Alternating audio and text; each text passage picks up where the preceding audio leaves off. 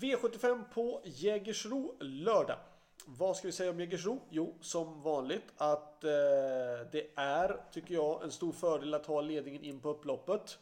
Det är lite, lite lättare att rinna undan på Jägersro. Eh, jag tittar på väderleksrapporten och det skulle bli regn. Och hur blir det då på Jägersro? Jo, det brukar bli lite vasst grus. Eh, och det sliter ganska så hårt på hovarna och av den anledningen så kanske det är någon som tvekar på barfotakörningen. Så är det det som kan det vara viktigt på om det är någon som står om valet och kvalet att det kanske blir skor istället för barfota på grund av detta. Men vi går istället på omgången nu och i V75 1 så 4 Rackham är för mig en solklar första häst. Visserligen har han spår 4 volt. Men jag tycker hästen har varit ruskigt bra hela hösten och gjort fantastiskt fina lopp. 6 Isojo Vici kanske är den som tar spets. Men jag tycker Rackham är bättre. Men jag vågar inte eh, ta bara den ena av de två. Och jag väljer även att ta med nummer 7 Rock My Dreams. Eh, Josef Franzel har haft jätteframgångar på Jägersro när han har kommit med sina hästar. Och eh, den här hästen känner Peter Ingves väl till. Så att jag säger 4 är Solklar första häst före 6 och 7. V75 2, då är det ett storlopp och på start är de bästa hästarna 1 Kirsiboko och 2 Alien Hill.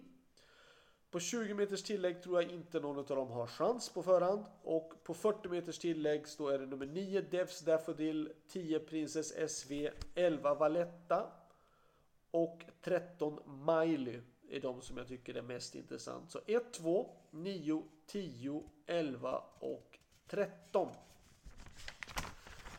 Vi går till V75 3 och eh, jag väljer att spika nummer 1 Ovation LA. Eh, hästen vann på Jägersro senast, gjorde ett bra lopp då. Eh, gjorde en bra tid och eh, jag tror att den kommer att kunna hålla upp ledningen i det här loppet och då är väl loppet över tror jag. Och att det är 1600 meter bil det är väl bara en fördel istället för att det är 2-1. Så att 1 Ovation LA är spiken för min del. Själv kör nummer 4 Barnacle, gjorde väl ett okej okay lopp senast. Men det är klart att eh, behöver vara lite bättre den här gången för att den ska kunna vara med och vara segeraktuell. Så jag ligger lite lågt. V75 4 är tvååringsloppet och jag tycker att det ser öppet ut. 1. Good Vibes 2. Islay Mist Sisu och 8. Melby Jinx. Det är väl de jag tror mest på på förhand ändå. Eh, Melby Jinx är ju den som har varit fantastiskt fin men som inte fick till det i försöket. Eh, men jag vågar ändå inte plocka bort den. Och Nordströms hästar har ju varit jättebra. Så att 1, 2 och 8. Själv kör jag nummer 6 i Lilians Love. Men eh, ja, Avslutade snabbt senast men måste väl vara lite förbättrad för att det ska kunna räcka till i det här loppet. V75 5. Då tycker jag att det är ett trehästarslopp på förhand. 3 Upperface, 4 Frodo S och 7 Easy Cash. Det är de jag tycker är, eh, är mest intressant på förhand ändå. Så att 3, 4 och 7. Avdelning 6, då väljer jag spika nummer 2 i Liam Webb. Jag gör det trots att jag själv har med nummer 6 Diamanten och Diamanten känns fin. Men det är första starten och hästen har haft lite struligt. Varit väldigt bra prestationer, bland annat med galopper. Och eh, det är alltid svårt att vara säker på sin sak. Den här hästen har säkert tränat jättefint innan. Precis som han har gjort nu också så får vi se om han går och därför vågar jag inte vara helt säker och med tanke på att Ilian Webb kommer från seger och att han har ett perfekt utgångsläge så väljer jag att spika nummer två Ilian Webb. Men jag säger varningen är nummer 6 Diamanten. Avdelning 7. Eh, 3 Asimut har det bättre spåret kontra nummer 6 Knight Brodde. Men jag vågar, eller sagt vi har två spikar innan. Så då tycker jag att man kan ta två hästar, 3 och 6. Eh, själv är med nummer 7 Ribaud. Eh, jag provade barfota runt om senast och den här gången blir det skor. Det var för lätt senast och det var väl inte hans bästa dag heller men av den anledningen plus att han har spår 7 på 16 meter bil så ligger jag lite lågt. Så att 3 och 6 är de som är mest intressanta. Slutsummering, ja varningarna, eller spikarna kan vi ta. Spikarna var ju då ändra i avdelning 3 nummer 1 Ovation LA eller i då avdelning 6 nummer 2 Elian Webb. Eh, min bästa chans, ja. Jag tycker ju att eh, Valletta i avdelning 2 känns fin. Och sen efter det så tänkte jag säga avdelning 5 nummer 4 Frodo S.